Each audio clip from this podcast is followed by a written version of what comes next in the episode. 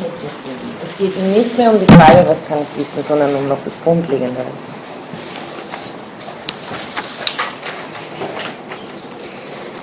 Ähm, also möchte, und er sagt, diese vorgängige Erschlossenheit, die analysiert er in der, in, ähm, in, in der Alltäglichkeit, in dem, wie er das oft verwendet, den Ausdruck zunächst und zumeist.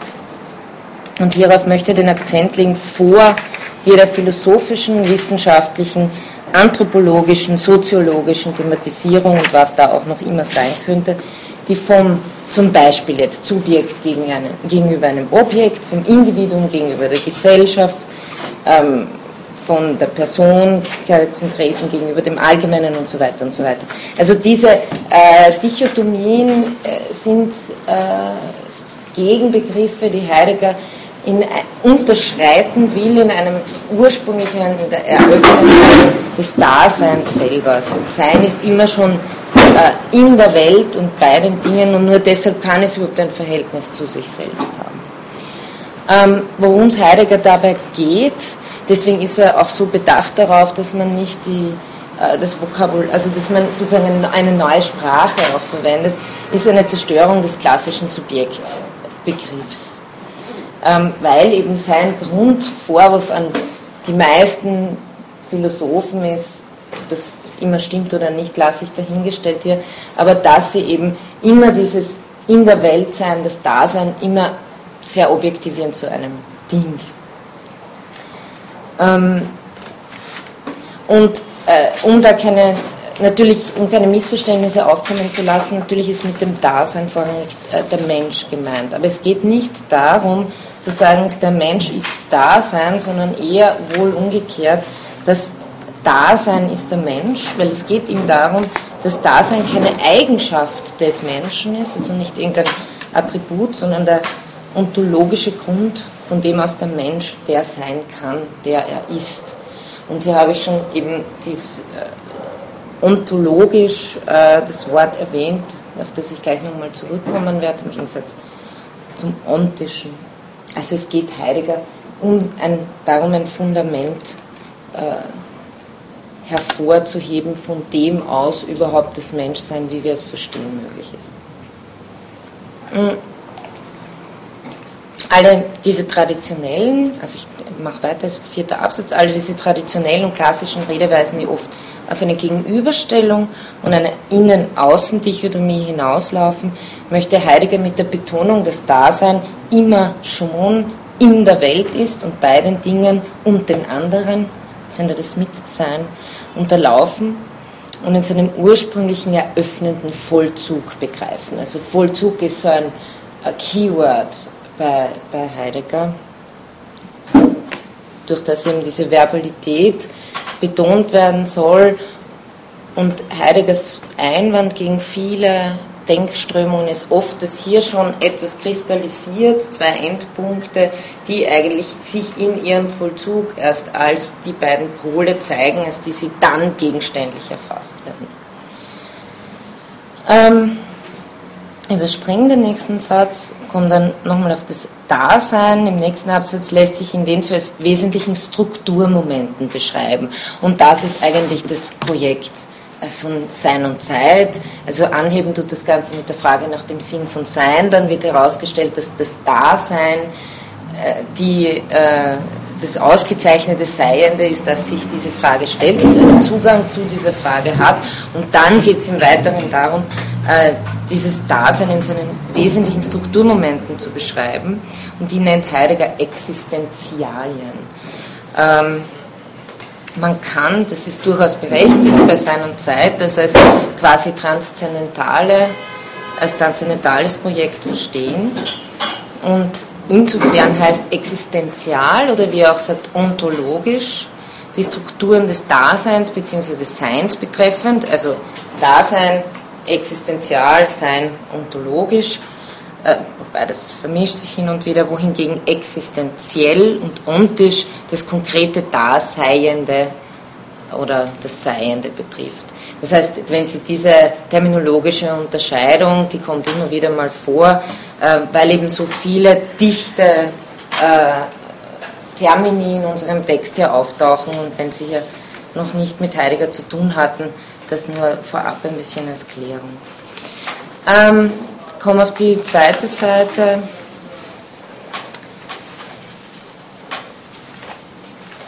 Und das ist auch ein ganz wichtiger Punkt jetzt schon für unseren Text, auch hinsichtlich der äh, praktischen Philosophie, dass ein wesentliches Existenzial, also die Weise, in der die Struktur, in der sich Dasein ereignet, die von Geworfenheit und Entwurf ist. Also wir sind einerseits immer geworfen in eine Situation, in eine Faktizität, die wir nicht wählen können. Äh, Dasein ist diese Geworfenheit und gleichzeitig ist es der Entwurf, ähm, sein Dasein selbst zu ergreifen, zu gestalten, aber auch, äh, wie Heidegger das nennt, zu verfallen in ein nicht selbst gestaltetes Dasein im Sinne des Mann. Also ich komme dann noch weiter, die Bewegung von Geworfenheit und Entwurf. Einerseits zwischen dem Aspekt der Endlichkeit, sich nicht selbst erschaffen zu haben, seine Ausgangsbedingungen nicht gewählt zu haben und sich trotzdem nicht, nicht zu dieser Situation verhalten zu können. Also das ist das Wichtige. Es geht darum, äh, dass ich mich immer zu meinem Geworfensein nicht nur verhalten kann und darf, sondern ich kann mich nicht nicht dazu verhalten. Also so zu tun, als könnte ich mich nicht dazu verhalten, ist auch ein Verhalten. Das ist die ganz wesentliche Struktur, die Heidegger hier herausstellt und die natürlich vor allem dann bei Sartre und so weiter ganz stark aufgegriffen wird und als Freiheit verstanden wird. Ähm, andererseits eben diese, auch dieser Entwurfsaspekt, das ist auch ganz wichtig, äh, die Möglichkeit, sich immer schon auf dieses Sein zu verstehen und sich in Bezug auf sein Sein verstehend zu entwerfen. Das Verstehen, also für Heidegger ist Phänomenologie selber auch ein Logos der Hermeneutik, ein auslegendes äh, Verstehen des zunächst unklaren Seinsverständnisses hin auf ein erschlossenes Seinsverständnis, aber das alles bewegt sich eben immer in einem ursprünglich, in einer ursprünglichen Eröffnetheit, die immer schon Verstehen ist. Ähm,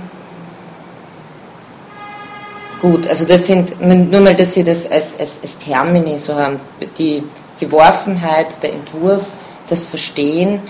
Ähm, und ganz wichtig ist auch, ich glaube, das habe ich in dem Text hier nicht drin, aber das haben wir in unserem schriftlichen Text, ist natürlich ein, das weitere Existenzial der Befindlichkeit der Gestimmtheit. Äh, Heidegger, ich komme vielleicht dann während der Sitzung noch darauf zurück, äh, in Stellen aus seiner Zeit. Heidegger legt einen ganz wichtigen äh, Punkt oder eine Betonung darauf, dass das Dasein immer schon gestimmt ist. Wir sind nicht, äh, also da geht es wieder um so ein Unterlaufen der Erkenntnistheor des erkenntnistheoretischen Ansatzes, so als ob wir zuerst irgendwelche nackten Subjekte wären und dann wären wir zufällig in empirischen Stimmungen. Nein, Heidegger sagt, nein, ursprünglich zunächst und zumeist, wir sind immer schon äh, in äh, Befindlichkeiten und diese Befindlichkeiten sind nicht einfach nur irgendwas, sondern sie erschließen uns unser Dasein auch. Und dann gibt es ganz besondere Befindlichkeiten, wie zum Beispiel die der Angst, die uns existenziell vor unser eigenes Dasein in besonderer Weise stellen. Also, aber auf das möchte ich jetzt nicht zu nahe eingehen, das können wir vielleicht noch äh, dann am Text, glaube ich, auch besprechen, weil die Achtung, die er hier entwickelt, eine Befindlichkeit, eine Gestimmtheit in ganz ähnlicher Weise ist, die mir etwas ganz Besonderes erschließt. Das heißt, ich bin nicht da irgendwo ein erkenntnistheoretisches Subjekt, das vielleicht auch noch so ein bisschen emotional durchfärbt ist, sondern das ist dieses Durchstimmtsein, wie er sagt, ist äh, ein wesentlicher Erschlossenheitsmodus des zur Weltseins oder in der Weltseins, wie er das sagt. Ähm, ja, ähm, dieser kleine Absatz, die wesenhafte Unbestimmtheit des Daseins, die in dieser Entwurfsstruktur aufblitzt, weil ich eben noch nicht bestimmt bin, mich entwerfen können oder mich entwerfen müssen, weil äh, mich zu verweigern, mein Dasein zu entwerfen, ist natürlich auch ein Entwurf. Ähm, also diese, diese äh, wie, wie, wie Sartre das dann so schön formuliert, wir sind verurteilt dazu frei zu sein, äh, das, dann blitzt eine wesenhafte Unbestimmtheit des Daseins auf Und die, kann als, die wird als bedrohlich erlebt, eben vor allem im Gefühl der Angst. Wobei aber gerade die Erschlossenheit des Daseins das unmittelbare Wissen, das Vernehmen des Möglichseins ausmacht.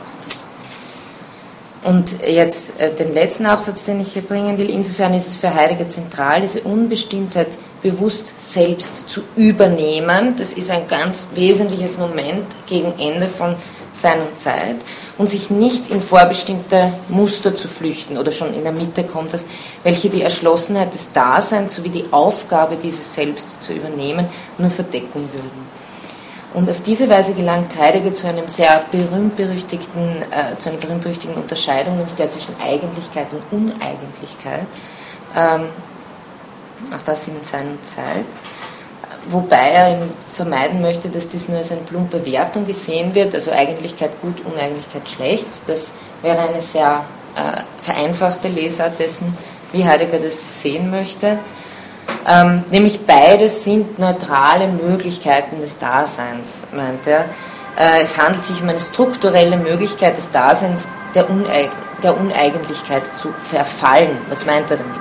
In diesem Kontext taucht auch das Mann auf, äh, das äh, Heidegger schnell mit der Öffentlichkeit in Zusammenhang bringt. Wie man sich vergnügt, wie man sieht und urteilt, wie man sich zurückzieht, wie man empört ist. Also in diesem Mann äh, ist das eigentliche Selbstsein können verdeckt auf äh, ein uneigentliches hin. Gut, das nur jetzt als Vorbemerkungen, damit wir irgendwie zumindest einen, einen vagen Hintergrund hier haben, äh, worin Heidegger einsteigt. Ähm, vielleicht noch äh, ein paar kleine Bemerkungen zur Methode. Aufschlussreich ist vielleicht auch zu erwähnen, nochmal, weil Heidegger das in, in, in dem berühmten Paragraph 7 in seiner Zeit, sein Verständnis von Phänomenologie expliziert. Und äh, hier sieht man schon, wie er die Worte verwendet. Also das, das Phänomenon, das Feinesteil, das Scheinen, äh, erläutert er so als das, was sich zeigt, das sich zeigende, das Offenbare.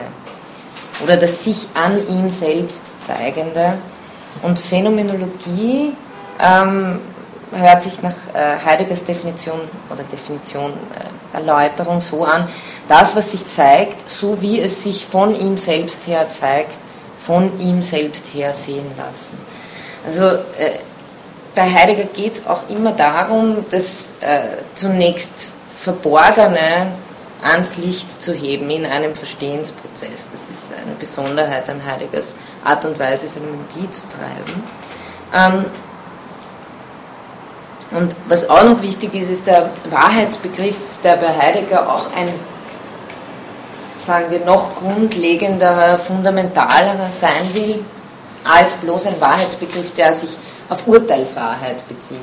Also äh, so nach, nach äh, husserlscher Tradition, logische Untersuchungen, würde man sagen, Wahrheit ist äh, die, die äh, Konkurrenz des Gemeinten, des Vermeinten mit dem Gegebenen.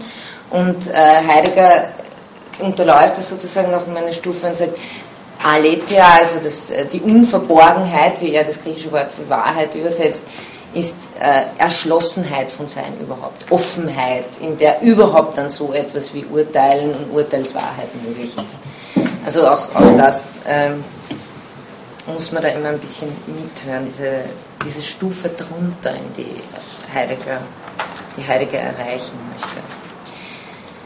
Ähm, deshalb wird Dasein, das analysiert wird, auch natürlich nicht wie ein Gegenstand analysiert, sondern in dieser hermeneutischen Vorgehensweise.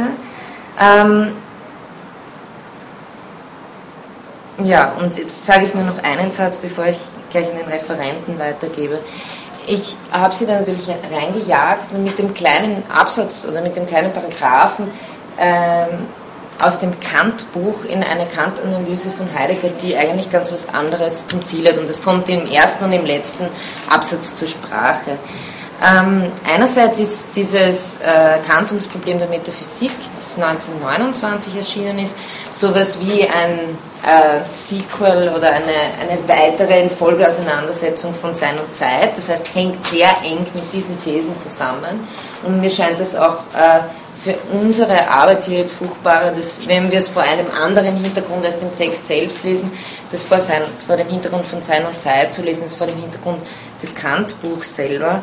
Äh, die These in diesem äh, Buch zu Kant ist, äh, dass Heidegger die, äh, was Kant die äh, beiden getrennten Quellen der Erkenntnis nennt, auf die gemeinsame Wurzel zurückführen möchte und sagt, das ist die transzendentale Einbildungskraft. Ähm, also die nämlich die transzendentale Einbildungskraft, die, wenn Kritik der reinen Vernunft im Schematismuskapitel besonders wichtig ist, äh, da will Heidegger, und ich glaube, das Einzige, was mir wichtig ist, ich will hier nicht, wenn Sie, wenn Sie wollen, können wir gern das diskutieren. Äh, aber ich glaube, das, was hier wichtig ist, ist wieder äh, diese Bewegung hin dazu, diese beiden getrennten Quellen, Anschauung und Begriff oder Denken, wie Heidegger meistens sagt, äh, auf etwas Vorgängiges hin zurückzuführen, auf etwas, was das noch unterläuft und diese ursprüngliche Eröffnetheit wieder bedeutet. Und im Grunde genommen braucht missbraucht, wie manche Interpreten sagen. Auf jeden Fall ist es eine starke Interpretation von Heidegger, die manches Plausibles an sich hat, würde ich schon sagen, aber Heideggers starke Interpretation ist die, dass das in der transzendentalen Einbildungskraft selber diese Wurzel zu finden ist. Okay. Letzte Bemerkung, wie liest Heidegger Texte? Heidegger liest Texte anders als Husserl, wie Sie gleich sehen werden. Also diese eher naive Herangehensweise bei Husserl, dass man den Text äh, einfach gerade heraus kritisiert, äh, steht ein viel, ein viel raffinierteres Lesen Heideggers gegenüber, äh, das von seinem schon äh, seinem philosophischen Konzept des hermeneutischen Verstehens her äh, einen ganz anderen Zugang wählt und immer, also er sagt auch sehr oft, dieses das Ungedachte eines Textes selber nochmal neu denken, das heißt ein sehr produktives Lesen. Ähm, und er spricht auch im Zusammenhang mit seiner Textlektüre von einer Destruktion, also das äh, unter den verhärteten Strukturen das Verborgene des Seinsverständnisses wieder zutage zu heben. Also hier handelt es sich auch oft um ein archäologisches Unternehmen bezüglich der Seinsfrage. Und da muss man natürlich ein bisschen Acht geben, dass wenn Heidegger Kant interpretiert und sagt, es ist Kant, dass nicht zum Schluss Heidegger rauskommt. Also da, das, das ist, ist man sozusagen in der, in der Lektüre mehr gefordert als, als Leser, was das jetzt hinsichtlich einer Kant-Auslegung, Interpretation bedeutet und was überhaupt so ein, ein Lesen von Kant heißt. Okay. Gibt es dazu irgendwie ad hoc Fragen?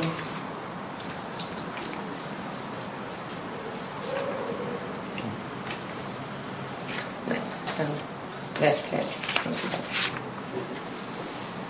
Ähm, ja, es geht eben einen kurzen Abschnitt. Erstens um äh, das Verhältnis von Vernunft und äh, transzendentalen Einbildungskraft, die eben als der Ursprung auch der faktischen Vernunft Heidegger interpretiert wird. Ähm, und es geht äh, zweitens, ähm, wenn man ähm, eher den äh, wirklich äh, moralisch-ethischen ähm, Bewegungen auf der Spur sein will, äh, sehr stark um das Personsein, äh, das von Heidegger so gesehen wird, ähm, dass es äh, das Person und Selbstsein äh, immer schon zumindest die formale Struktur von Moralität impliziert. Ähm, Im Mittelpunkt ähm, steht äh, dabei eine Analyse des reinen Gefühls der Achtung, ähm, direkt anschließend an die Analyse von Kant. Ähm, ich werde am Anfang kurz was äh, zur transzendentalen Einbildungskraft sagen, was Sie ja schon gesagt haben aber äh, Heidegger diese eben, ähm, und teilweise ist sie es auch erkannt, äh, mehr oder weniger, ähm, die gemeinsame Wurzel der beiden, beiden Stämme der Erkenntnis, die beiden Stämme der Erkenntnis sind das äh, reine Denken und die reine Anschauung. Und die transzendentale Einbildungskraft wäre eben diese, dieses tiefer liegende transzendentale Vermögen, ähm, auf das letztlich auch mit Heidegger zumindest äh, Denken Anschauung zurückzuführen wären. Ähm, Heidegger sieht äh, diese transzendentale Einbildungskraft ähm, als äh, eine Art Grund und auch Abgrund äh, jeder Metaphysik. Ähm, aber das wäre jetzt äh, eine, würden wir jetzt in die theoretische äh, Philosophie hineingehen und ähm, das ist eigentlich nicht ähm,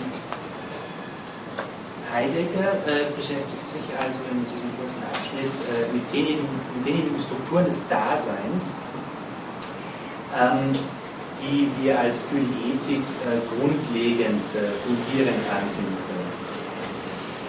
Ähm, er analysiert das Gefühl, das reine Gefühl der Achtung und äh, will die Wesensstruktur dieses Gefühls aufzeigen. Ähm, und er zeigt dabei eben ähm, vor allem zweierlei, würde ich sagen.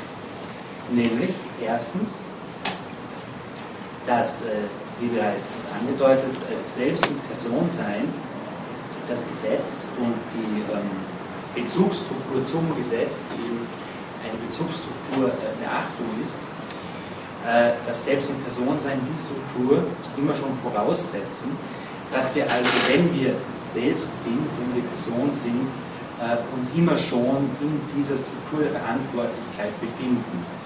Ähm, die Analyse von Heidegger äh, ist dabei, würde ich sagen, mindestens genauso formalistisch wie die von Kant. Ähm, er beschreibt ähm, diese Struktur der Verantwortlichkeit, die auch eine der Eigentlichkeit ist, ähm, als eine formale Bestimmung von Authentizität ähm, und damit als etwas, äh, was sozusagen die Bedingung der Möglichkeit von, von einer konkreten Moral ist aber selbst noch keine Moral. Ähm, und ich würde sagen, das ist fast noch formalistischer als bei Kant. Äh, und dieses Problem mit dem Mammut der Öffentlichkeit äh, ist ja da schon, steckt ja schon drin, dass er sehr stark äh, sich konzentriert auf ähm, diese ontologischen, fundamental ontologischen ähm, Möglichkeitsbedingungen von Moral, äh, wo aber eben eher im Gegensatz zu Husserl äh, sehr wenig äh, an, an, an, Werten, an Materialien, äh, ethischen Inhalten drinnen steckt. Ähm, das wäre der erste Punkt gewesen. und der zweite wäre, dass eben, wie wurde auch schon gesagt, die praktische Vernunft ihren Ursprung eben hat in der transzendentalen Einbildungskraft.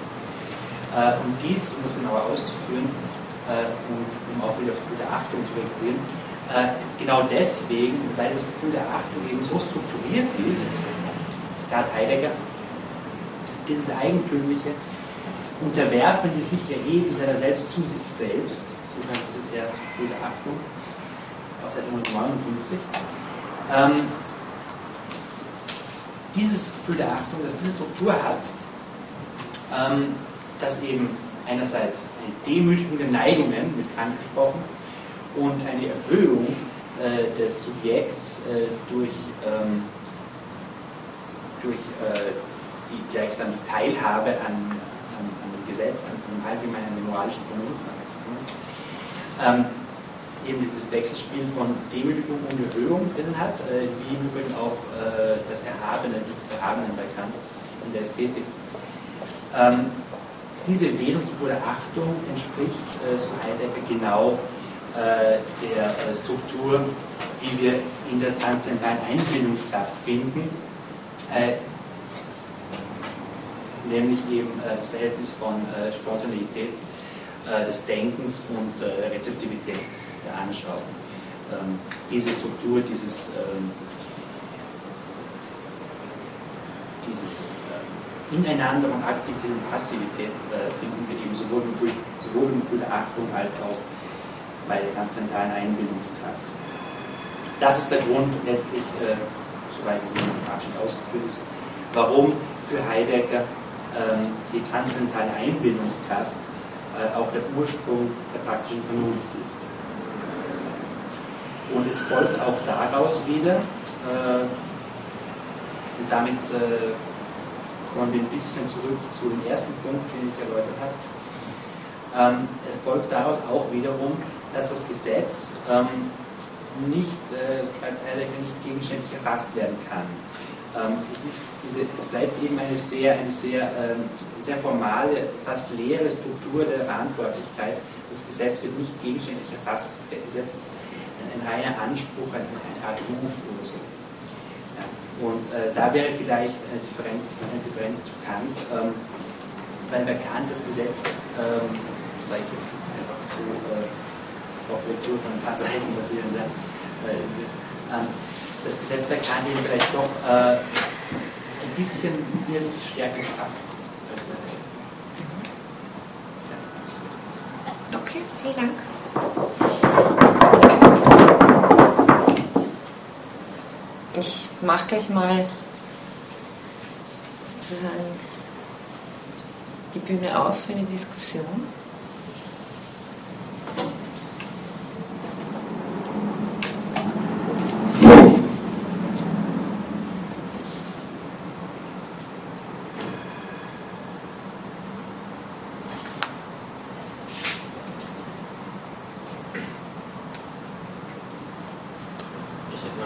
Ja, klar.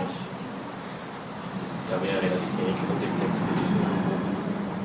Für Heidegger es um Achtung und Gesetz, ob er das genauso annimmt, wie das Kant annimmt. Also das sozusagen, das übernimmt er und das jetzt in seiner Art und Weise oder gibt es dann später noch eine Kritik daran? Nein, also eigentlich äh, ist es hier gerade in dem äh, Buch ein, ein alleinstehender Paragraph dazu.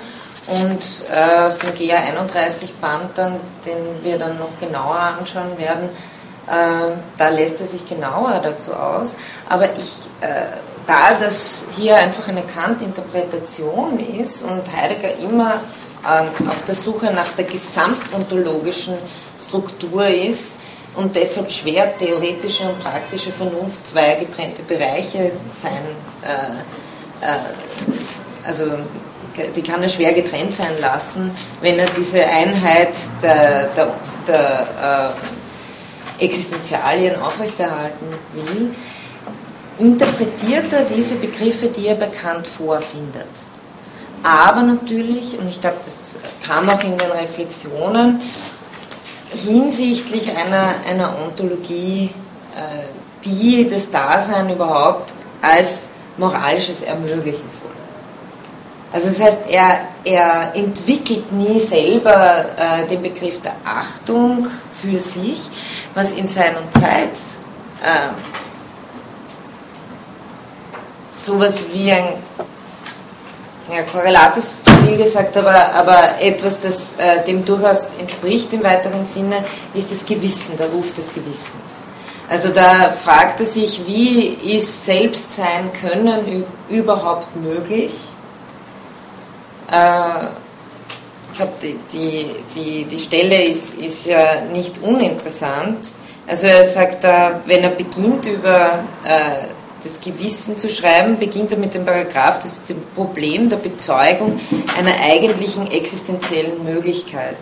Dann sagt er, gesucht ist ein eigentliches Sein-Können des Daseins, das von diesem Selbst in seiner existenziellen Möglichkeit bezeugt wird. Und wie wird das Selbstsein bezeugt? Durch den Ruf des Gewissens. Und jetzt aber, was ist der Ruf des Gewissens nach Heideggers Auslegung? Und da, glaube ich, haben Sie vollkommen recht mit Ihrer äh, Interpretation. Äh, das ist nichts anderes als der Aufruf zum Selbstsein, das Dasein selbst zu übernehmen.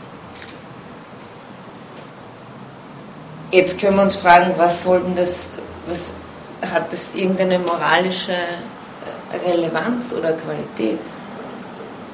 Oder unterschreitet es nicht sozusagen noch die Mindestbestimmung des kategorischen Imperativs? Weil was man nicht vergessen darf, also hier geht es wirklich um äh, das Selbstsein können des Daseins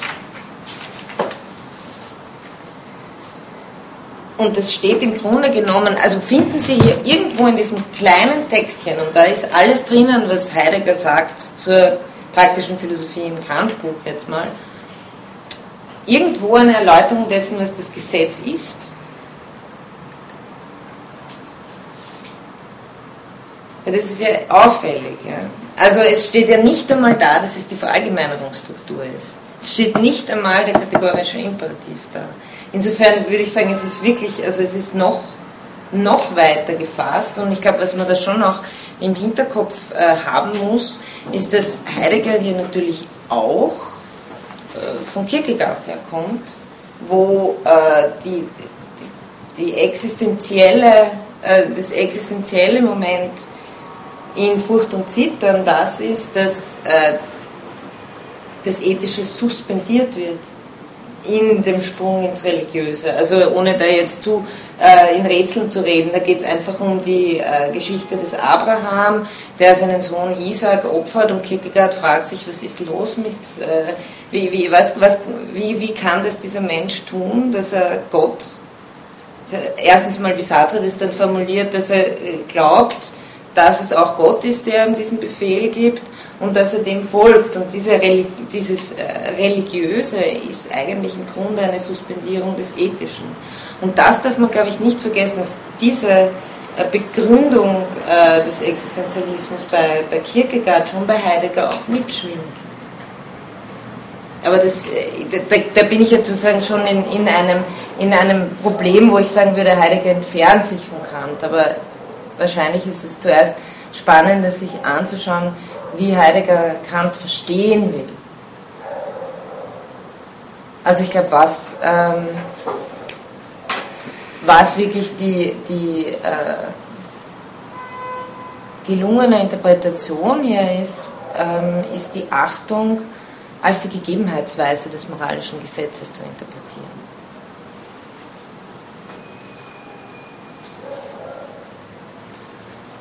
Also wir können ja mal direkt einfach in den Text einsteigen, das ist ja nicht so wahnsinnig viel Text, vielleicht kommt dann, ähm, vielleicht kommen dann auch die Fragen klarer. Ähm, Entschuldigung, ja? also ach, die Achtung als Gegebenheitsweise des Gesetzes wie halt so wie bei Russen. Ähm, so wie bei Husserl. Also bei Heidegger, wie ich vorher äh, gesagt habe, geht es immer um diese äh, Erschlossenheit des Daseins durch äh, Gestimmtheit auch. Und ähm, sagen wir mal so, Husserl geht es weniger um diese Erschlossenheitsdimension. Und das ist etwas, wo Heidegger ganz stark seine Betonung drauf legt. Ähm, aber man kann schon sagen, die, die, das Wie, das Erscheinen des Gesetzes ist im Gefühl der Achtung. Und man könnte auch sagen, ich meine, Heidegger formuliert das, glaube ich, wirklich einfach äh, eleganter und so, dass es zugänglicher ist. Wenn er sagt, ihm in diesem Gefühl erschließt sich uns überhaupt das, was moralisches Selbst äh, sein kann als Handelndes, könnte man vielleicht sagen, das ist das, was Husserl versucht hat zu sagen mit im Fühlen erschließt sich uns Wert. Mhm. Nur dass äh, Heidegger äh, sicher nicht darauf hinaus will, dass es hier etwas wie einen Gegenstand äh, des Wertes gibt, sondern bei Heidegger geht es vielmehr darum, äh, dass es ein sich selbst erschließen des Daseins ist. Und deswegen ist es, ist, kann man mit Heidegger besser über das Thema der Freiheit sprechen, wahrscheinlich.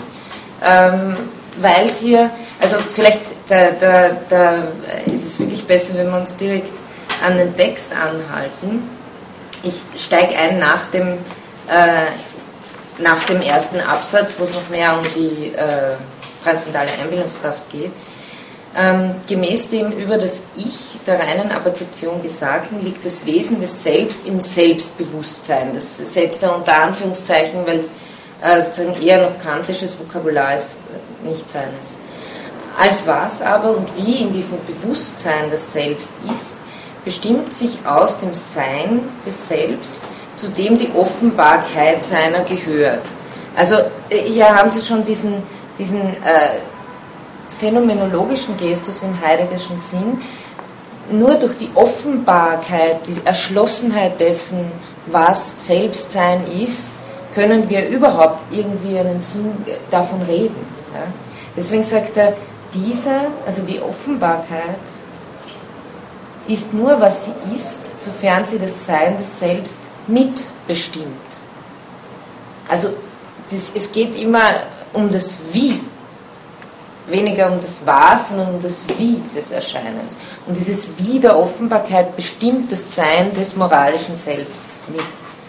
Wenn jetzt das praktische Selbst hinsichtlich des Grundes seiner Möglichkeit befragt wird, also äh, ontologische Frage, transzendental, schrägstrich ontologische Frage, dann gilt es zunächst, dasjenige Selbstbewusstsein zu entgrenzen, das dieses Selbst als Selbst ermöglicht. Mit dem Blick auf dieses praktische, das heißt moralische Selbstbewusstsein, müssen wir dann nachforschen, inwiefern seine Wesensstruktur und die transzendentale Einbildungskraft des ihren Ursprung zurückweisen. Okay, dann kommt, die, dann kommt die Frage nach der Person.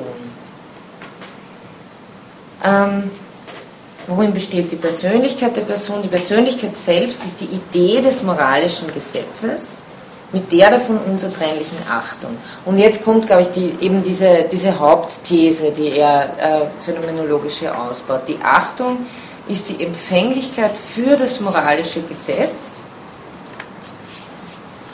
Das heißt, das Ermöglichende eines Empfangens dieses Gesetzes als eines moralischen. Also die Achtung ist das Ermöglichende, also die, das, die transzendentale Bedingung im Grunde genommen dafür, äh, dass wir dieses Gesetz als moralisches empfangen. Und da ist das, was äh, bei, bei Heidegger immer die Vollzugsidentität, das Zauberwort. Also wie ich gesagt habe, bei Böltner oft das äh, äh, Klingen des Tons ereignet sich als mein Hören, das Leuchten der Lampe ereignet sich als mein Sehen, äh, die, die, die Gegebenheit des Gesetzes ereignet sich im Gefühl der Achtung. Also so, es ist nicht da das Gesetz und dort die Achtung, sondern Heidegger fragt sich jetzt wirklich, wie zeigt sich uns das Gesetz? Und da sagt er, gibt, also hat, hat Kant, da legt er halt Kant ähm, sozusagen in seinem Sinne aus und sagt, die Gegebenheitsweise, das meint Kant eigentlich, wenn er sagt, dass äh, die Achtung ein vernunftgewirktes Gefühl ist. Was macht Heidegger insofern? Er, nimmt das Ganze aus der klassischen empirischen Gefühlsdiskussion raus, sehr geschickt, äh, und, und verlegt auf einen existenzialen Erschlossenheitsmodus. Also das ist, äh, es geht darum, dass das ein, auch in, in gewissem Sinne ein nicht empirisches Gefühl ist, so wie Husserl das schon wegbringen will vom äh, Empirischen auf seine Weise, indem er es auf eidetische Strukturen verlegt, äh, will auch Heidegger das wegbringen vom Empirischen, indem es aber auf äh, eine Erschlossenheitsstruktur des Daseins hin versteht.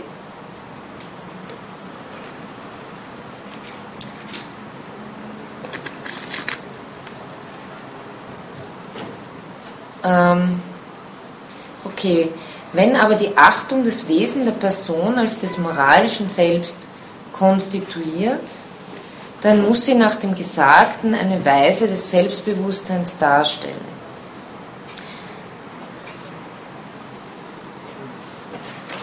Also die Achtung, die Achtung, die, die Erschlossenheit der Achtung konstituiert das Wesen der Person als eines moralischen Selbst.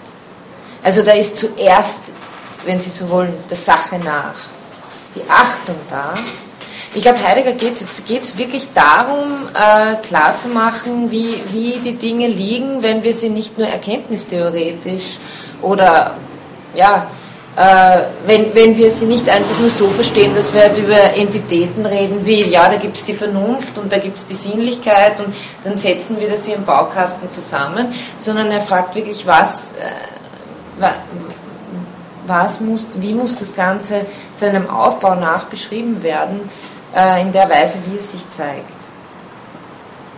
Darf ich nochmal nachfragen? Ja, bitte. Also das moralische Gesetz ist sozusagen der, der Vollzug des Gefühls oder ich stehe noch ein bisschen auf der Leitung. Nein, Ich meine, grundsätzlich sozusagen, sozusagen also dass ein moralisches Gefühl sein muss oder eine Empfänglichkeit dafür, dass sonst der Mensch aufhört, Mensch zu sein, im Sinne von moralisch, das schreibt der Kant auch. ach so. Wie? Also ich habe der Metaphysik der Sitten, Ja. da schreibt er vom moralischen Gefühl.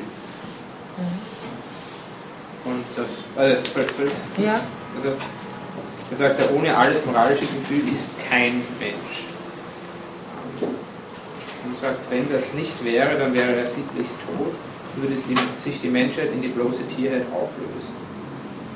Und dann Ja, ein ja. bloß Naturwesen sein. Aber damit meint er, dass die Vernunft auf diese negative Weise, wie wir es in den Textstellen haben, halt ein Gefühl wirken kann. Oder? Wahrscheinlich meint er das damit. Ja, Also es ist Ja. nicht ein Moral Sentiment im Sinne der, äh, also wir sind irgendwie gefühlsdispositioniert, da, da, da will er sich ja dis, äh, ja. ja. distanzieren davon. Ja, ja, aber ähm, die, die Frage ist ja, wir können uns ja Kant gegenüber fragen, ja, aber wie, wie erfahren wir das Gesetz? Weil jetzt von Kant her, er, da, da, da, da drückt er sich ja ein bisschen herum, weil das ist eben dieses Herzstück der, äh, im, im, im Paragraph 7 der Kritik der praktischen Vernunft, oder? Das ist der Para- Paragraph 7. Das Faktum der praktischen Vernunft. ja. Was ist das Faktum Ja. der praktischen Vernunft?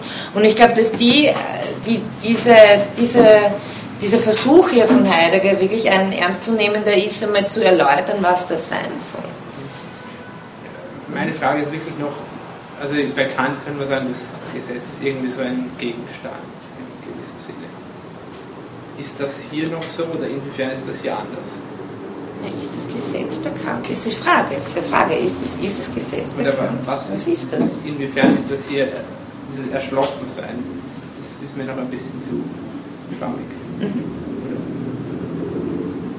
Na, also zuerst mal präzisiert ja Heidegger. Heidegger sagt einfach nur das Gesetz. Ja. Das finde ich, also für meine Begriffe, ähm, naja, es ist insofern verdächtig, alle, die immer nur von dem Gesetz sprechen, wenn sie den kategorischen Imperativ meinen, äh, ist dann die Frage, ob nicht die Universalisierungsformel unter der Hand äh, was anderes wird, äh, wie das Gesetz des Vaters und so weiter, von Psychoanalyse zum Beispiel. Ähm, aber äh, wir könnten ja auch sagen, ähm, was Heidegger hier eher meint, ist der, ist der Anspruch, der Ruf des Gewissens. Und dieser Ruf des Gewissens ruft mich auf zum, zum eigentlichen Selbst und zum Verantwortlichsein mir selbst gegenüber. Und das ist natürlich, ja, das ist ein vollkommen, eine vollkommen offene Struktur und doch auf eine gewisse Weise äh, die Bedingung der Möglichkeit, um überhaupt ein moralisches Selbst zu sein. Äh, Diese, ich glaube, Sie haben das in der Reflexion, da, Sie haben das sehr schön formuliert, ich habe es aber vergessen, wie. Äh, also sozusagen die, das, das, das durch diesen Aufruf das Handelnde selbst überhaupt erst entsteht, genau. Ja, ja genau, können Sie das kurz nochmal. wie äh, bezeichnet oder irgendwie, äh, naja, dass, dass das eigentlich eine, on- ein ontologisierendes Akt ist, die ganze, dieser Ruf des Gewissens, das habe ich eh gesucht im Sein und habe ich habe das, das Buch nicht gefunden, deswegen Mhm. habe ich das nicht gesehen, äh, die Stelle und äh, naja, im Prinzip, dass die Idee, dass, dass die, wie Sie es gesagt haben, Frau Groß, dass die Möglichkeit eines handelnden Subjekts eine Moralis, okay, im weiteren Sinne auch politisch oder irgendwas handelndes äh, Objekt, äh, Subjekt so entsteht durch diese Achtung durch Gesetz. Ja, man könnte, man könnte vielleicht, das Selbst wird, das wird ähm, aufgebrochen auf eine Weise. Ja. Zwar bei, bei Heidegger, weil da- das war ja bei Ihnen noch die Frage, wo sind die anderen? Äh, das ist die große Frage an Heidegger, die man, glaube ich, äh, je nachdem, wie freundlich man ihn auslegen will oder äh, wie sehr man ihn kritisieren will. Je nachdem kann man hier zwei verschiedenen Spuren nachgehen und auch dann nochmal früh und späten Ansatz unterscheiden. Ich würde sagen, die Hauptbetonung, was auch viele kritisiert haben in Sein und Zeit, ist, dass es äh, das Dasein bestimmt wird und das ist jetzt, also das ist das, was Heidegger selbst sagt, ähm, das Seiende, dem es in seinem Sein um sein Sein selbst geht. Also das ist die, das Dasein ist sozusagen um sich besorgt, die Struktur des Daseins ist die Zeitlichkeit, es läuft auf den Tod hin, meinen Tod kann mir niemand abnehmen. Und die Arendt sagt das dann auch so, okay, und damit ist klar eigentlich, das Selbst äh, hat sich eigentlich nur mehr darum zu kümmern, selbst sein eigenes Selbst zu sein. Und die andere Spur wäre die des Mitseins, von dem Heidegger. Ganz klar sagt, dass das ein, von Anfang an, es ist nicht zuerst ein Selbstsein und dann kommen noch die anderen dazu, sondern Mitsein ist wirklich ein, ein, ein Existenzial von Anfang an. Und hier könnte man versuchen, was da zu machen. Aber tatsächlich finden wir es auch in diesem Text nicht. So wie er das hier expliziert, ist es ein aufgerufen Sein zum Selbstsein. Und das, ich glaube, es geht darum, versuche es nochmal, ähm, diese, diese Gegebenheitsweise, wenn wir uns bei Kant fragen, wie, wie ist das Gesetz überhaupt für uns da, dann ist dieses, dann ist dieses Wie das der Achtung. Also das sind sozusagen die, die zwei Seiten einer Medaille. Äh, Gesetz, als Gesetz gegeben sein heißt äh, als Achtung gegeben sein. Und nicht anders. Also es, das ist nicht voneinander ab, trennbar, wenn man es phänomenologisch jetzt im Heideggerschen Sinn betrachtet. Und das eröffnet uns natürlich die Möglichkeit, über Gefühl ganz anders zu reden. Und äh, wenn wir da weiter im Text schauen, sagt, kann sie als eine Weise des Selbstbewusstseins fungieren, wenn sie nach Kants eigener Bezeichnung ein Gefühl ist. Gefühle, Lust, Unlust betonte Zustände gehören doch zur Sinnlichkeit. Allein diese ist ja nicht notwendig durch Leibzustände bestimmt, sodass die Möglichkeit eines reinen, nicht affektionsbestimmten, sondern selbstgewirkten Gefühls offen bleibt. Deshalb muss zuvor nach dem allgemeinen Wesen von Gefühl überhaupt gefragt werden.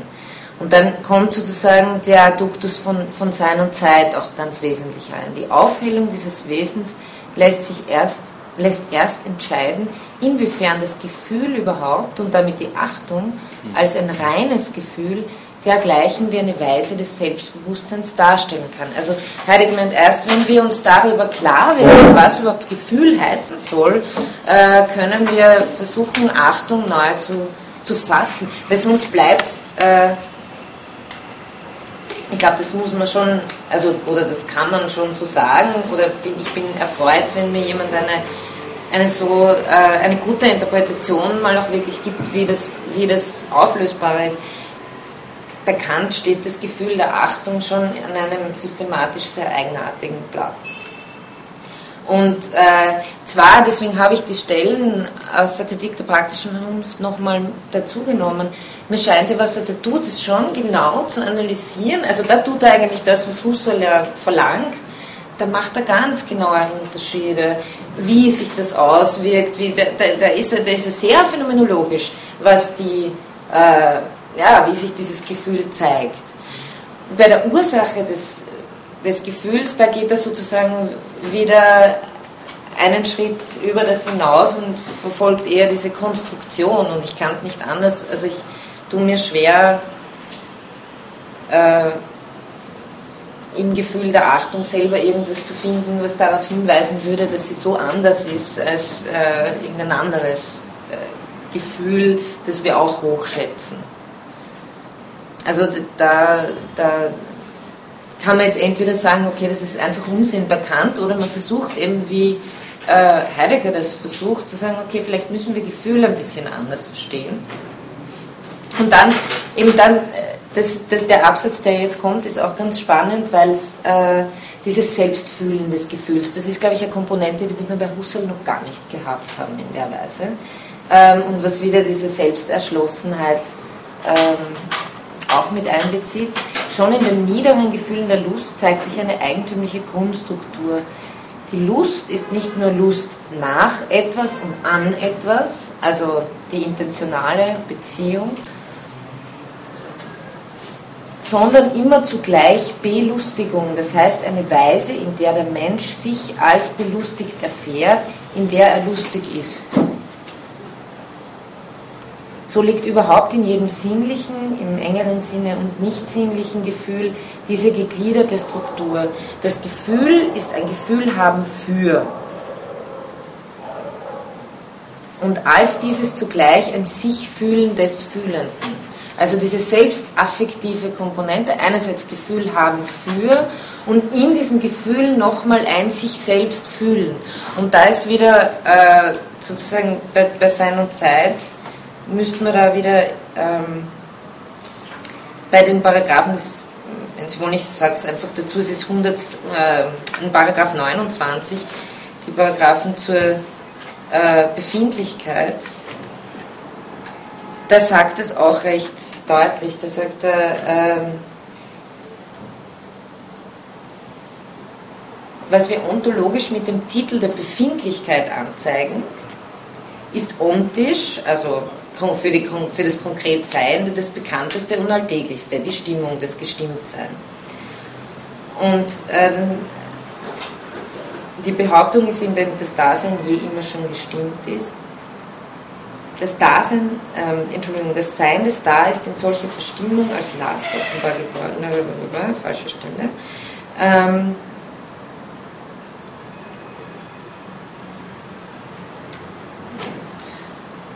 Ja, und das Dasein kann dergleichen nicht wissen, also warum es, das Stimmung ist kein Wissen, das, um das geht es ihm auch ganz stark.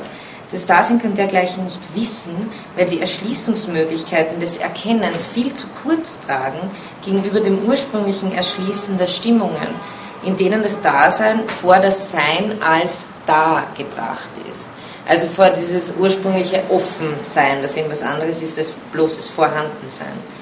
In der Gestimmtheit ist immer schon stimmungsmäßig das Dasein als Daseiende erschlossen, dem das Dasein in seinem Sein überantwortet wurde, als dem Sein, das es existierend zu sein hat. Schönen heiliger Sätze. Äh, das heißt, in der Stimmung wird uns klar, dass wir eben wie nach dem Sartre-Wort verurteilt sind, frei zu sein. Wir haben unser Dasein, Dasein zu führen, wir haben uns dazu zu verhalten. Und in äh, den verschiedenen Stimmungen bricht besonders dieses Verhältnis auf. Also ausgezeichnet, wie ich vorher gesagt habe, ist für Heidegger die Stimmung der Angst, die, äh, deren wovor nichts mehr, nichts mehr ist, was in der Welt ist, nichts Innerweltliches mehr, deswegen unterscheidet er Furcht und Angst. Also fürchten tue ich mich vor dem konkret Bedrohlichen, wie dem, dem äh, zähnefletschenden Hund und so weiter, aber in der Angst ist nicht etwas in der Welt erschlossen, sondern das in der Welt sein als solches, der Zugang als solcher, ist das, wo, wo, das Wovor der Angst.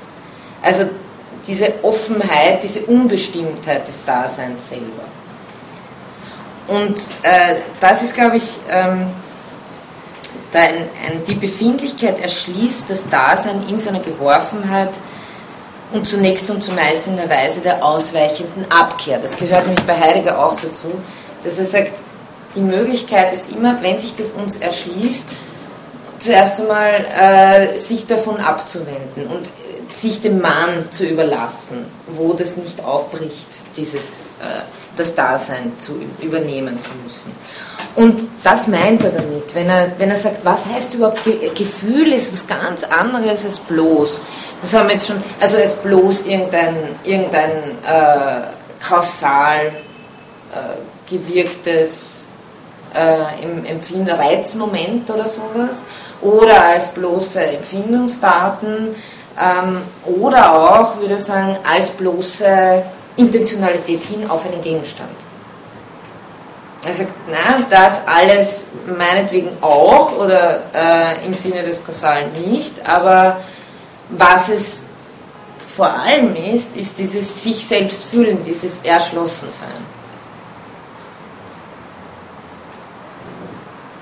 das wäre jetzt immer schon das moralische Gesetz sozusagen, oder das Gesetz. Oder die Ermöglichung. Naja, wie, wie, wie, wie ist es da genau? Er sagt, ähm,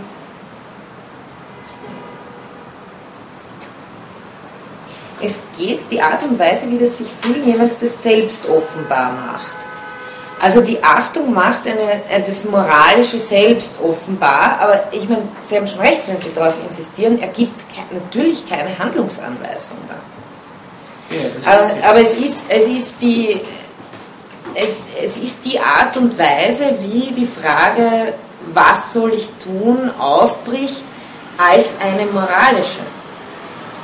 Also ich glaube, das kann man ihm schon, das ist genauso wie bei Levinas dann, wenn der vom, vom anderen spricht, ähm, der, der mir sozusagen so, so wie der Ruf des Gewissens ist äh, die Alterität noch eine radikalere Figur dieser Anrufung, dieser Unterbrechung einer, einer selbst, einer, einer, einer Eigenlogik, aber sie gibt mir keine inhaltlichen äh, weder Wertbestimmtheiten noch Handlungsanweisungen ähm, an die Hand.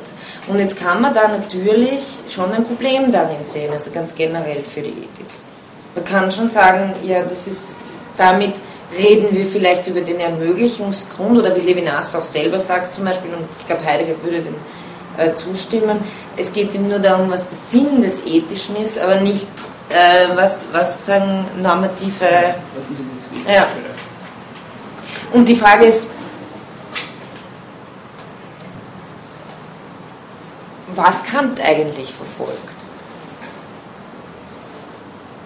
Oder ob bei Kant beide Komponenten sind und wir können sagen, die, die, die, die Habermasianer, Frankfurter Schule, sind eher in die normative Ausformulierung äh, gegangen und so eine Interpretation die die, die, die Achtung ernst nimmt, das Gegebenheitsweise geht eher auf, auf äh, das Ethische überhaupt als, als bestimmt als Seinsweise.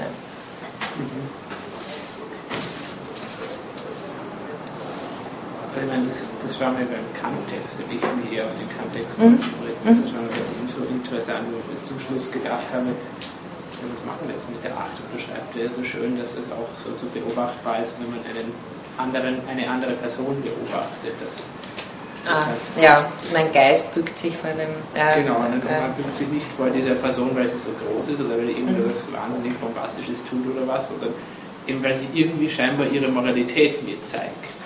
Mhm. Nur was schließe ich jetzt daraus? Ich meine, da ist ja mal zunächst steht ja nicht, oder kann ich ja gar nicht mehr lesen als, aha, diese Person ist frei zum Handeln. Mehr folgt ja daraus nicht und sozusagen ein, ein, also er betonte nur dieses gewisse, das löst eine Art äh, Verlangen, es nachahmen zu wollen aus. Und also das war dort dann meine Frage, wo ich dachte, gut, okay, also im Sinne von, ich bin frei, auch meine Neigungen zu verleugnen, so, das ist das Schöne vielleicht, das ist das Positive dran, aber was machen wir jetzt damit? Wieso sollte daraus folgen, dass ich jetzt in der moralischen Gesetz folge? Aber ja, das ist ja Naja, ich meine, spannend ist ja da bekannt insofern, dass da die anderen da sind, aber als Verkörperungen äh, des Gesetzes. Genau, ja. ja. Also bei, bei Kant, glaube ich, bleibt immer, die, die Frage ist schon, also die, die man schon stellen muss, in welcher Art und Weise ist das Gesetz überhaupt? ist es nur, als, als wenn es als Vollzogenes ist und ich kann es auch am anderen, ich kann es offensichtlich die Moralität am anderen schon auch irgendwie wahrnehmen. Also irgendwie muss es schon gehen, weil sonst würde das, was Kant da beschreibt, dass mein Geist sich äh, bückt, das würde gar nicht gehen sonst. Das heißt, ich kann das irgendwie, irgendwie zeigt sich das. Und es zeigt sich in der Weise, dass es mir unmittelbar Achtung abverlangt. Das heißt, es, zeigt sich in der Weise der Achtung für. Und wenn wir jetzt aber noch weiter fragen, was zeigt sich da, dann wird dann ist es, ja, die, eben was, was, was Heidegger auch, das ist ja auch ganz spannend, dass Heidegger sagt, die Person ist eigentlich äh, dieser, dieser, dieser Charakter am krummen Holz, das nicht gerade werden kann, die die Seite der Freiheit hat. Also es, die Verkörperung der Freiheit ist zwar die Person, aber ist die noch was konkret Persönliches? Also meine, meine Frage läuft eher da, darauf hinaus, wenn wir die anderen bekannt haben, haben wir da wirkliche andere oder äh, einfach die Moralität? Oder haben genau, oder ist das ein das, ich weiß gar nicht, wie ich das, also die gängige Interpretation ist natürlich äh, Kants Vernunft ist nur eine monologische und so weiter. Ähm, Aber deswegen habe ich diese Stelle unter anderem auch nochmal mitgenommen, weil diese Rigorosität und diese, diese Strenge, mit der Kant hier die Achtung beschreibt, mit der sie mich demütigt und so weiter, finden wir eigentlich nur in der Art und Weise wieder bei Levinas, der vom anderen in der Weise spricht. Also das, das, das habe ich ganz spannend gefunden. Ähm, aber, aber die, die, die Frage bleibt, auf welche Weise ist mir das Gesetz gegeben? Ist das irgendeine Idee, die ich habe? Ähm, dann wird wahrscheinlich Heidegger und auch Husserl zu Recht sagen, na dann wird sie mich nicht berühren. Dann, dann was, ist da, was, ist, oder was ist die Ansprüchlichkeit des, des äh, kategorischen Imperativs? Was ist das Imperativhafte des Imperativs?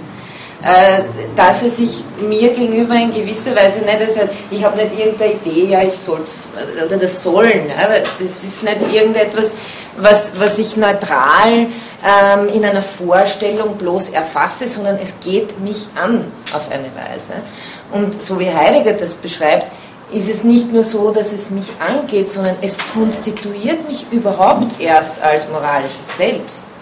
Also dieses an, mich angehen des Gesetzes ist, ist sozusagen dieser Vollzug, aus dem erst Selbst und Gesetz im Nachhinein als zwei verschiedene Pole äh, dann herausgearbeitet werden. Ja. ja jetzt würde ich gerne nochmal nachfragen. Dieses ähm, Konstituieren als moralisches Subjekt, wie ist das genau zu verstehen jetzt hier bei Heidegger? Ist es mhm.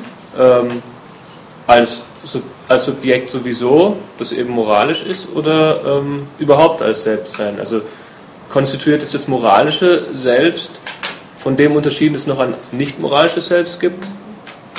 Weil dann könnte man auch sagen, es konstituiert das Selbst und das ist eben moralisch, aber es wäre jetzt nicht notwendig zu sagen, das moralische Selbst. Mhm. Also ich, ich würde jetzt mal ad hoc sagen, wenn wir den Text schauen, aber ich würde ad hoc sagen, dass das Dasein als Selbstsein, zu dem gehört intrinsisch dieser Gewissensaufruf und diese, dieses Sollen, diese, diese, wenn man so will, moralische Komponente in Sein und Zeit würde er nie von Moral reden. Das tut er nur deshalb, weil er da Kant interpretiert, ähm, gehört intrinsisch dazu. Mhm.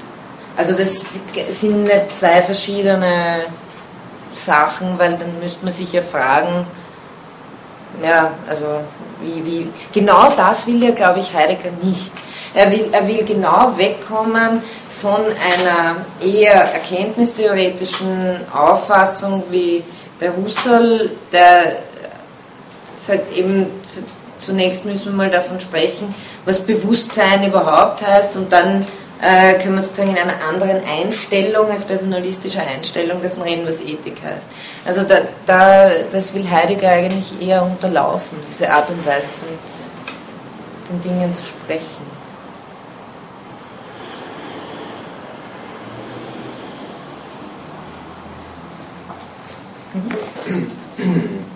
Das Gesetz ist da, bei Heidegger genauso wie der Tod, und ich kann mich auch dazu nicht, nicht vorhalten. Das ist die Voraussetzung. Also ich, glaub, ich überlege jetzt nur genauso, genauso wie der Tod. Also Nein, weil der Tod ist sozusagen die, die, die Unmöglichkeit, der Möglichkeit, auf den laufe ich hin vor. Aber dieser Anspruch, ja, also das. das aber er sagt ja, beim Tod kann ich auch zurückweichen. Ja. Aber der, der, Ruf des Gewissens oder das ich, und ich glaube, also ich meine, da könnte man anfangen einzuhaken und, und schon zu sagen, Moment, da gibt es aber einen Unterschied weil der Ruf des Gewissens bei Heidegger ist nicht gleich äh, der kategorische Imperativ. Aber lassen wir das jetzt mal. Äh, ja, also der, das, der, der Ruf des Gewissens ist da und ich kann mich nicht nicht zu ihm verhalten und zunächst und zumeist läuft das Dasein mal davor davon und tut dann das, was man eben tut und was man tut, ist im Übrigen auch die, die herkömmliche Moral. Also es geht schon auch, äh, eben da wieder die, der Kierkegaardsche Gedanke, es geht schon um diese existenzielle Entscheidung auch, so wie Sartre das eben anführt und sagt, es gibt Momente, oder sogar auch bei Husserl kommt es mit diesen Dilemmata, wo, wo man der kategorische Imperativ leider nicht hilft. Und da wäre es dann eben dieses, da kann man dann sagen, ja auch das bleibt rätselhaft, aber die Rätselhaftigkeit ist wieder die, dass es nur in der je eigenen Freiheit liegt, dies entscheiden zu müssen. Äh, was man dann letztlich, also wie man dann letztlich handelt. Und die Bedenken, die man dagegen erheben kann, sind natürlich die, dass man sagt, wo ist jetzt eigentlich noch das moralische Kriterium? Weil in, nur in der Verantwortung sich selbst gegenüber weiß ich nicht, ob das reicht, um ein moralisches Kriterium zu sein. Und da kann ich sehr viel tun. Moralisches Kriterium im Sinne von, anhand dessen könnte ich herausfinden, was ich wirklich konkret tun soll. Oder Na, ich glaube halt, dass, äh, dass die, die so, so, viele Vorteile diese Art von Konzeption hat. Der Nachteil natürlich die ist, dass sie noch formalistischer ist als der kategorische Imperativ. Weil es ist nicht einmal mehr, äh, nicht einmal mehr die, die, die, also die Notwendigkeit, dass alle dieser Maxime mhm. zustimmen können müssen. Also dass sie eben verallgemeinerbar wäre. Nicht einmal das. Aber sie hätte den Vorteil, dass sie sozusagen eine Wirksamkeit von einer moralischen Dimension voraussetzt oder beziehungsweise aufzeigt, während äh, bei Kant jetzt der kategorische Imperativ die Wirksamkeit ähm, des kategorischen Imperativs gar nicht unbedingt gegeben ist, wie er auch Husserl bemerkt. Das ist wie aufgrund, meinst du die Wirk Wirksamkeit? Naja, wenn, wenn, wenn ähm, also Husserl hat ja kritisiert am, an der reinen Willensbestimmung, rein formalen Willensbestimmung, dass es nicht wirkt. Also dass da überhaupt keine Wirksamkeit Aha, der ja. praktischen mhm. Vernunft auf mhm. das Subjekt gegeben ist bei behauptet Kant halt. Ja, das, ja. ja. Und, und bei Heidegger wäre es sozusagen so, dass er, ähm, so wie eben der Kollege gesagt hat, man kann sich nicht nicht verhalten. Das heißt, mhm. es ist immer eine moralische Dimension am Werke, mhm. ob man sie jetzt als solche erkennt oder nicht, ist nicht so, aber es wirkt etwas auf uns. Und ähm, das wäre halt sozusagen, da läge dann der Vorteil drin, dass man die Wirksamkeit, ich meine, klar, sie ist da auch nur postuliert, aber da wäre eine Wirksamkeit gegeben und vielleicht für mich zumindest persönlich mhm. eher einsehbar als beim kategorischen Oder sagen wir so die Gegebenheit dafür. Also das ist das ja, also es, es, es bekommt sozusagen mehr es bekommt mehr Auskleidung dessen, was es heißt, von so einem Anspruch tatsächlich betroffen zu sein. Genau, ja. ja. Mit, mit der Behauptung eben, dass bei, bei, bei Heidegger auf jeden Fall, dass das überhaupt zum äh, Sein des Daseins dazugehört. Nämlich auch, und das ist der wesentliche Punkt, aufgrund seiner Freiheit, aufgrund seiner ähm, Freiheit, sich immer entwerfen zu müssen und eben nicht einfach festgelegt zu sein. Also ich glaube, gerade dieses Moment kann man, kann man mit Heidegger sehr gut denken. Äh, das auf der, weil weil äh, das ist ja interessant. Auf der einen Seite wollen wir sozusagen die äh, genau wissen, was denn moralisch ist, und auf der anderen Seite ist es immer diese, dieses Offenlassen des Verantwortlichkeitsraums, das überhaupt Freiheit als ein Verhalten zu garantiert. Mhm. Aber ich glaube, ähm, da ist eine starke Gefahr vorhanden, äh, dass man ähm, aus diesen Analysen ja, äh, ableitet eine moralische Haltung, ähm, die ähm, so so einen gewissen Pathos der Authentizität, so einen mhm. Pathos äh, der, der, Entschlossenheit etc. Mhm. wo die Haltung so, äh, die Haltung des Individuums äh, so stark herausgestrichen wird mhm. und ähm, wo eigentlich im Grunde sehr schnell jede Orientierung an Werten verloren geht. Ja, also genau.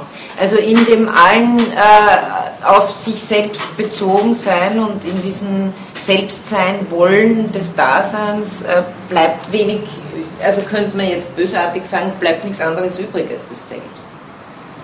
Und äh, das, äh, wofür man hier verantwortlich ist oder wem man hier noch konkreter verantwortlich ist, außer sich selbst wiederum, also die, das, das würde ich auch sagen. Und, und diese, dieses Pathos der Entschlossenheit. Ja.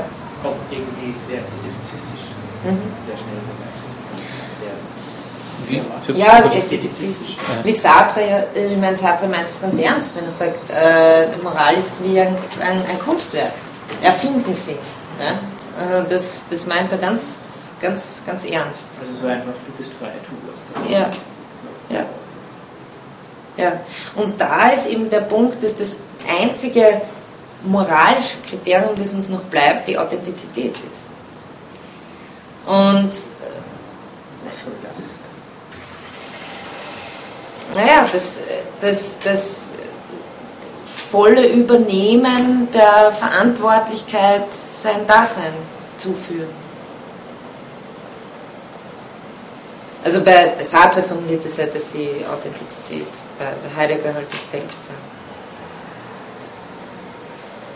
Und darin sehe ich, also ich, ich sehe vor allem darin eine noch, eine noch, äh, eine noch größere Unbestimmtheit als, als bei Kant schon da ist im, im kategorischen Input. Vielleicht lesen wir noch ein paar Stellen, weil gerade auf, diesen, ähm, auf dem zweiten Blatt sind meines Erachtens die ähm, deutlichsten Zitate drauf. Die Achtung, also ganz oben, 158, die Achtung ist als solche Achtung für das moralische Gesetz. Also hier wieder dieser, die, womit diese Vollzugsidentität angedeutet wird. Sie dient nicht zur Beurteilung der Handlungen und stellt, nicht erst nach, stellt sich nicht erst nach der sittlichen Tat ein, etwa als die Art und Weise, in der wir zu vollzogenen Handlungen Stellung nehmen. Achtung für das Gesetz konstituiert vielmehr erst die Möglichkeit der Handlung. Die Achtung vor ist die Art und Weise, in der uns das Gesetz allererst zugänglich wird. Also hier wieder dieselbe These wie vorhin. Darin liegt zugleich, dieses Gefühl der Achtung für das Gesetz dient auch, wie Kant sich ausdrückt, nicht zur Gründung des Gesetzes. Das Gesetz ist nicht, was es ist, weil wir Achtung davor haben, also Grund, sondern umgekehrt. Dieses achtende Gefühl haben für das Gesetz und damit diese bestimmende Art des Offenbarmachens des Gesetzes ist die Weise, in der uns das Gesetz als ein solches überhaupt entgegenkommen kann.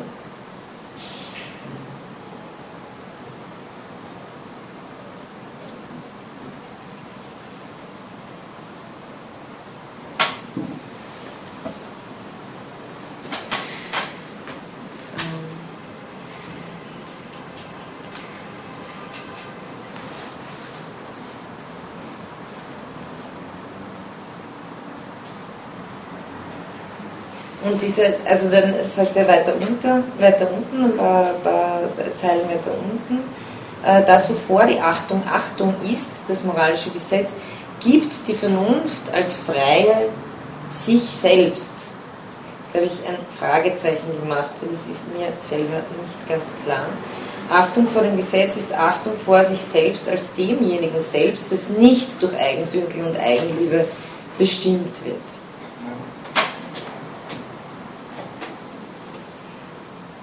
Also gibt die Vernunft das frei, sich selbst, ich weiß nicht.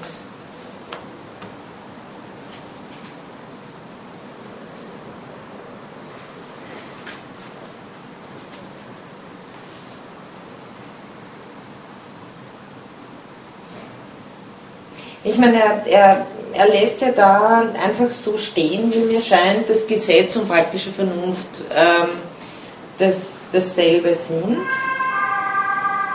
aber da, also manchmal, manchmal ähm, ist es, bleibt es schon noch, äh, ich, also für mich ist es ein Rätsel auf dieser Stelle. Ich,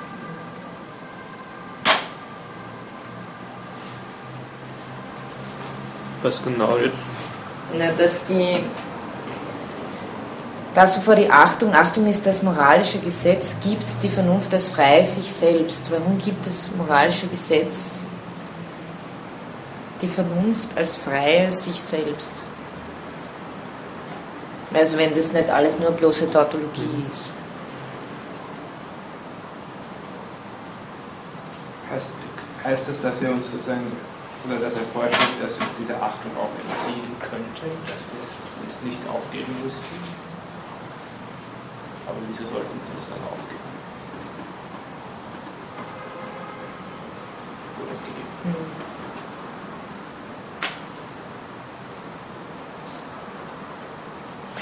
Na, vielleicht ist es eher so ein, durch die Achtung, ein, ein, ja, ein Freiwerden für die Vernunft durch die Achtung. Viel mehr kann ich da jetzt auch nicht. Dann nur zu diesen, die, die, bei, die bei letzten Stellen auf der nächsten Seite möchte ich nur lesen. In der Achtung vor dem Gesetz unterstelle ich mich dem Gesetz. So, das spezifische Gefühl haben für, das in der Achtung liegt, ist ein sich unterwerfen. In der Achtung vor dem Gesetz unterwerfe ich mich mir selbst. Also dieses, äh, die, der Autonomiegedanke bei Kant. In diesem mich mir unterwerfen bin ich als ich selbst. Als was oder genauer als wer, weil Heidegger sagt immer nach das Dasein wenn man nach dem Dasein fragt, fragt man nicht nach einem Was, sondern nach einem Wer. Also das Dasein ist nicht ein Gegenstand, der irgendwelche Eigenschaften hat. Das ist bei ihm die Unterscheidung zwischen Was und Wer. Als, genau, als Wer bin ich mit dem Gefühl der Achtung offenbar. Dem Gesetz mich unterwerfend unterwerfe ich mich mir selbst als reiner Vernunft. In diesem mich mir selbst unterwerfen erhebe ich mich zu mir selbst als dem sich selbst bestimmenden freien Wesen. Ja. Ist es nicht das, was dieser Satz äh, bedeutet, das, wovor die Achtung Achtung ist? Das moralische, selbst, das moralische Gesetz gibt die Vernunft als freie sich selbst. Also die Vernunft gibt sich als freie selbst das moralische Gesetz. Also die Unterwer Selbstunterwerfung dem Gesetz gegenüber ist eine Unterwerfung sich selbst gegenüber. Also die, die Satzstellung ist halt ein bisschen komisch bei diesem Satz. Ich würde es halt so lesen. Die Vernunft gibt sich als freie selbst das moralische Gesetz. Die Vernunft. Achso, ja. Okay, ja.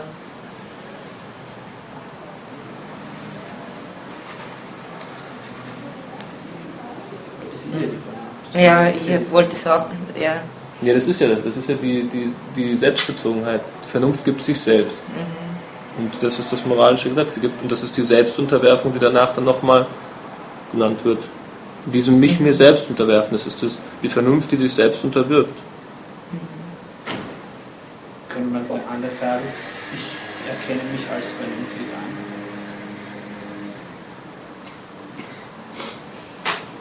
Ja, ich, ich erfahre mich im Gefühl der Achtung als, als Vernunft oder zumindest als die Möglichkeit habend, äh, praktische Vernunft zu haben.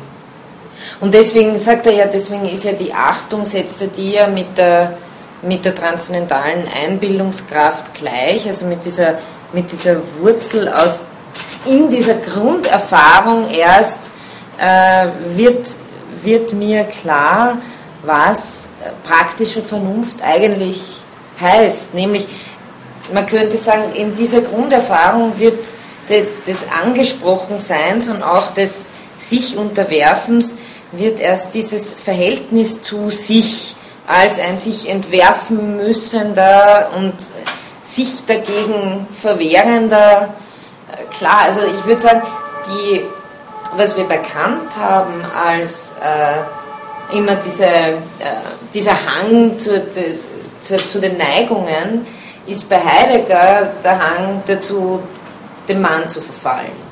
Also da gibt es eine gewisse, da gibt es eine gewisse Parallelität. Wir wollen uns immer schon davon stehlen vor dem eigentlichen Selbstsein, indem wir in das Mahn flüchten und bei Kant wollen wir uns davon stehlen vor dem Imperativ der Vernunft und folgenden Neigungen. Ähm,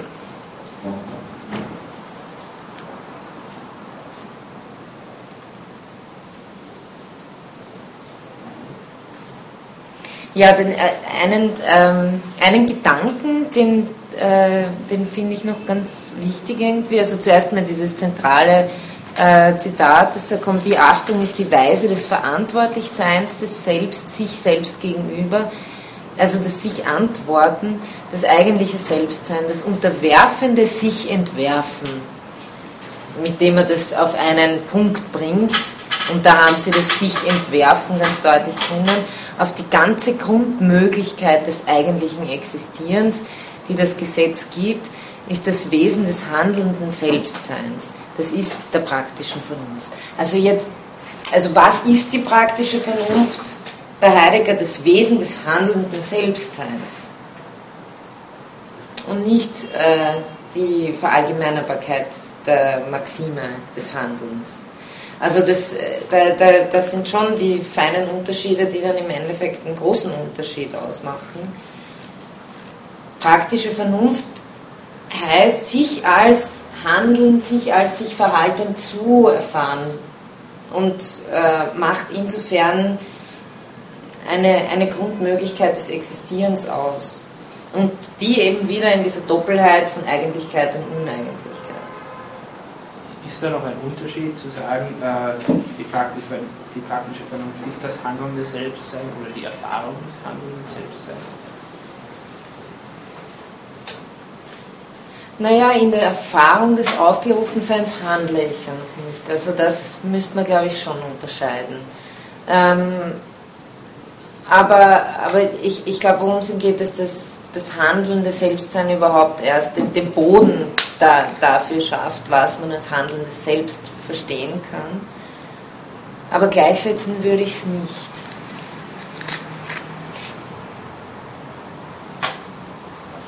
die Existenzialien oder diese sind sowas wie, da ist nicht ein Subjekt da, das was erfährt, sondern aus dem Erfahren erst als grundlegendes zur Welt, seines Weltverhältnis, kann man erst nach, spricht man sozusagen erst nachträglich davon, dass wir jetzt ein, ein moralisches Selbst haben.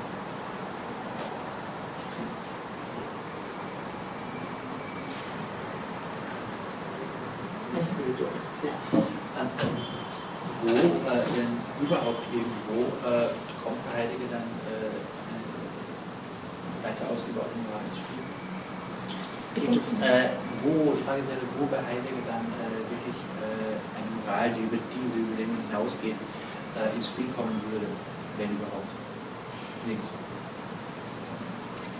Oder also nein, also das, das, das hat Heidegger sozusagen tunlichst unterlassen, sowas zu schreiben, aus, aus genau äh, den Gründen.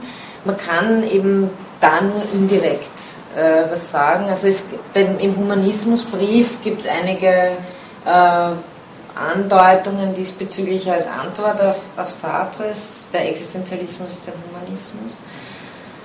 Und man, also es gibt auch die Interpretationen, die sagen, der späte Heidegger, der äh, den Vorgang des, des, Seins mit Y vor das Dasein stellt, äh, stellt sich in diesen Ruf des Seins und da geht es nicht mehr um das Selbstsein, sondern um diese äh, Verantwortlichkeitsstruktur dem Sein gegenüber der Mensch als Hirte des Seins und so weiter.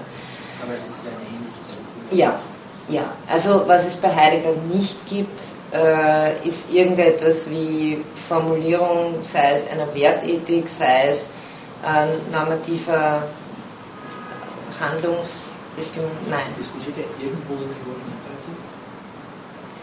Also ich kenne jetzt auch nicht die, das gesamte Heidegger Werk, aber ich glaube, was wir bei, in diesem Freiheitsbuch haben, ist das Konkreteste dazu.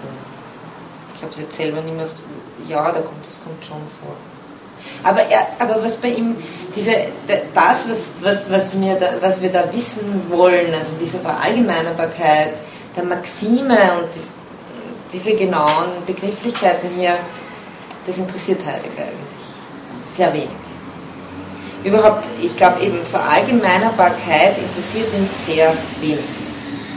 Ihn interessiert Freiheit, äh, handeln müssen. Ihn interessiert zum Beispiel gar nicht so jetzt wie Husserl die Gültigkeit äh, von, von äh, moralischen Gesetzen.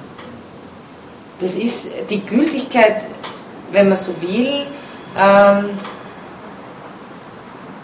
ist ein nachträglicher erkenntnistheoretischer Modus, der eine Urteilswahrheit beschwört und die ursprüngliche Seinswahrheit, also Eröffnetheit des Seins äh, in ihrer ganzen, in diesem ganzen Ergreifen müssen verleugnet.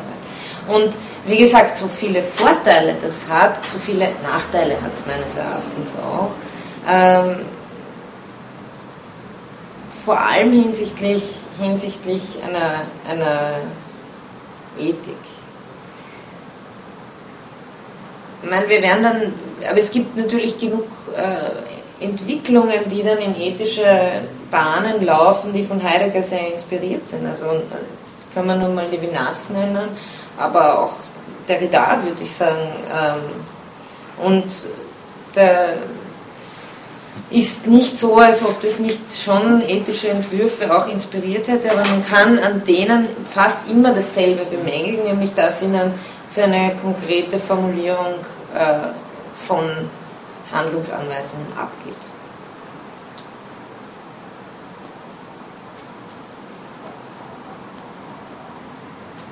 Okay.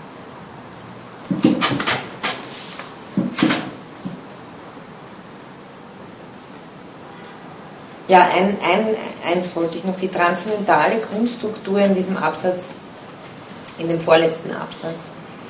Ähm, die vorstehende Interpretation des Gefühls der Achtung zeigt nicht nur, inwiefern diese die praktische Vernunft konstituiert, sondern macht zugleich deutlich, dass der Begriff des Gefühls im Sinne eines empirisch gemeinten Seelenvermögens verschwunden und an seine Stelle, jetzt kommt's, eine transzendentale Grundstruktur der Transzendenz des moralischen Selbst getreten ist. Also transzendentale Bedingung der Möglichkeit, also diese Achtung als Vollzug der Erschlossenheit des moralischen Seins, wenn man so will, äh, als Bedingung der Möglichkeit der Transzendenz. Und was heißt hier Transzendenz? Äh, das bezieht sich wieder auf diesen Entwurf. Also das ist immer ein Über sich hinaus sein, als Sein bei sich beim Entwurf. Also Transzendenz oder auch dieses immer schon in der Welt sein. Das ist das, worum es Heidegger äh, in, vor allem in dieser Phase ganz stark geht, die Strukturen aufzuweisen, durch die Selbstsein nicht eine Entität ist, sondern ein, ein Transzendenzvollzug ist. Das ist äh, der Grundgedanke, der ihn leitet. Und, und äh, das, das betrifft natürlich auch äh, betrifft mit einen ethischen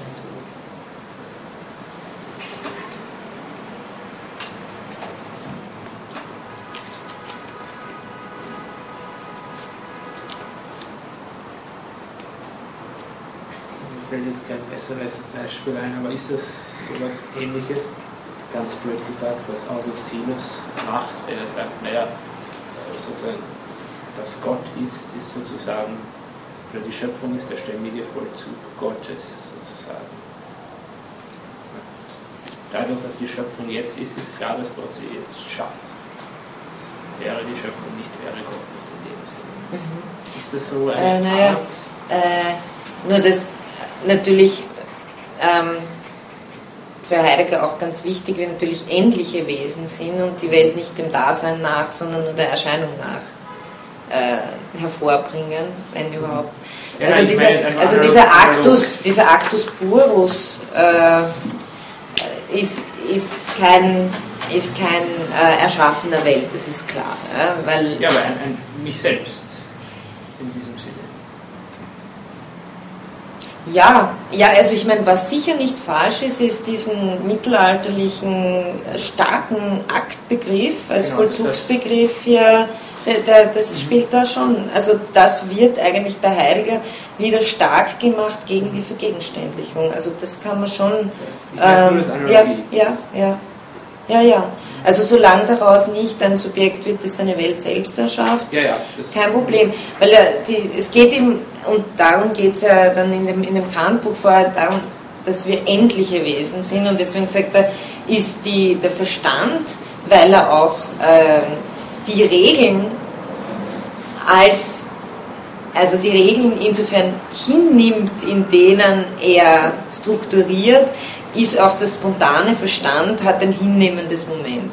Und die reine Anschauung, insofern sie rein ist, hat sie äh, nicht nur ein Anschauungsmoment, sondern auch ein spontanes Moment. Und dann sagt er, das ist sozusagen die Wurzel, die, äh, weil, weil, weil beides beide Momente hat und weil es sich hier um ein ähnliches Wesen handelt, äh, ist die transzendentale Einbildungskraft und auch die Achtung, die Art und Weise, in der uns überhaupt äh, unser Sein und die Welt erschlossen ist. Wobei man könnte sagen, eben, man, könnte, man könnte ja so sagen, dass äh, Kant in seiner äh, theoretischen Philosophie die Erschlossenheit von Gegenständlichkeit mit den Kategorien versucht hat zu beschreiben. Heidegger jetzt eben nochmal versucht, die Erschlossenheit des Daseins selbst in existenzialen Kategorien zu beschreiben. Wozu äh, das Ethische wesentlich gehört. Und das können wir uns vielleicht im, im Zuge der nächsten Überlegungen auch noch fragen, wie, wie sich hier diese Unterscheidung, die Kant so stark macht zwischen theoretischer und praktischer Philosophie, also Freiheit als eine, die wir nur praktisch vollziehen können, äh, im Gegensatz zur Freiheit, die theoretisch möglich denkbar ist. Weil das ist das Thema des, des nächsten Heidegger-Textes, wie sich das verhält zu dem Dasein, das sich entwirft als einerseits, äh, also als, als immer schon verantwortliches, ethisch Gehülfernes und so weiter. Okay. Soweit? So gut. Ähm, darf ich Sie noch mal fragen, ob Sie Bin Lust haben? nächstes Mal, oder? Nein, es wäre übernächstes Mal. Okay. Ja? Ja. Fein, super, danke. Und Sie sind das nächste Mal. Okay, gut. Dann wünsche ich eine schöne Woche und Spaß. Sind noch äh, Referate nicht besetzt oder wie? Ja, es gibt, glaube ich, Was gibt es noch? Und vor allem wann?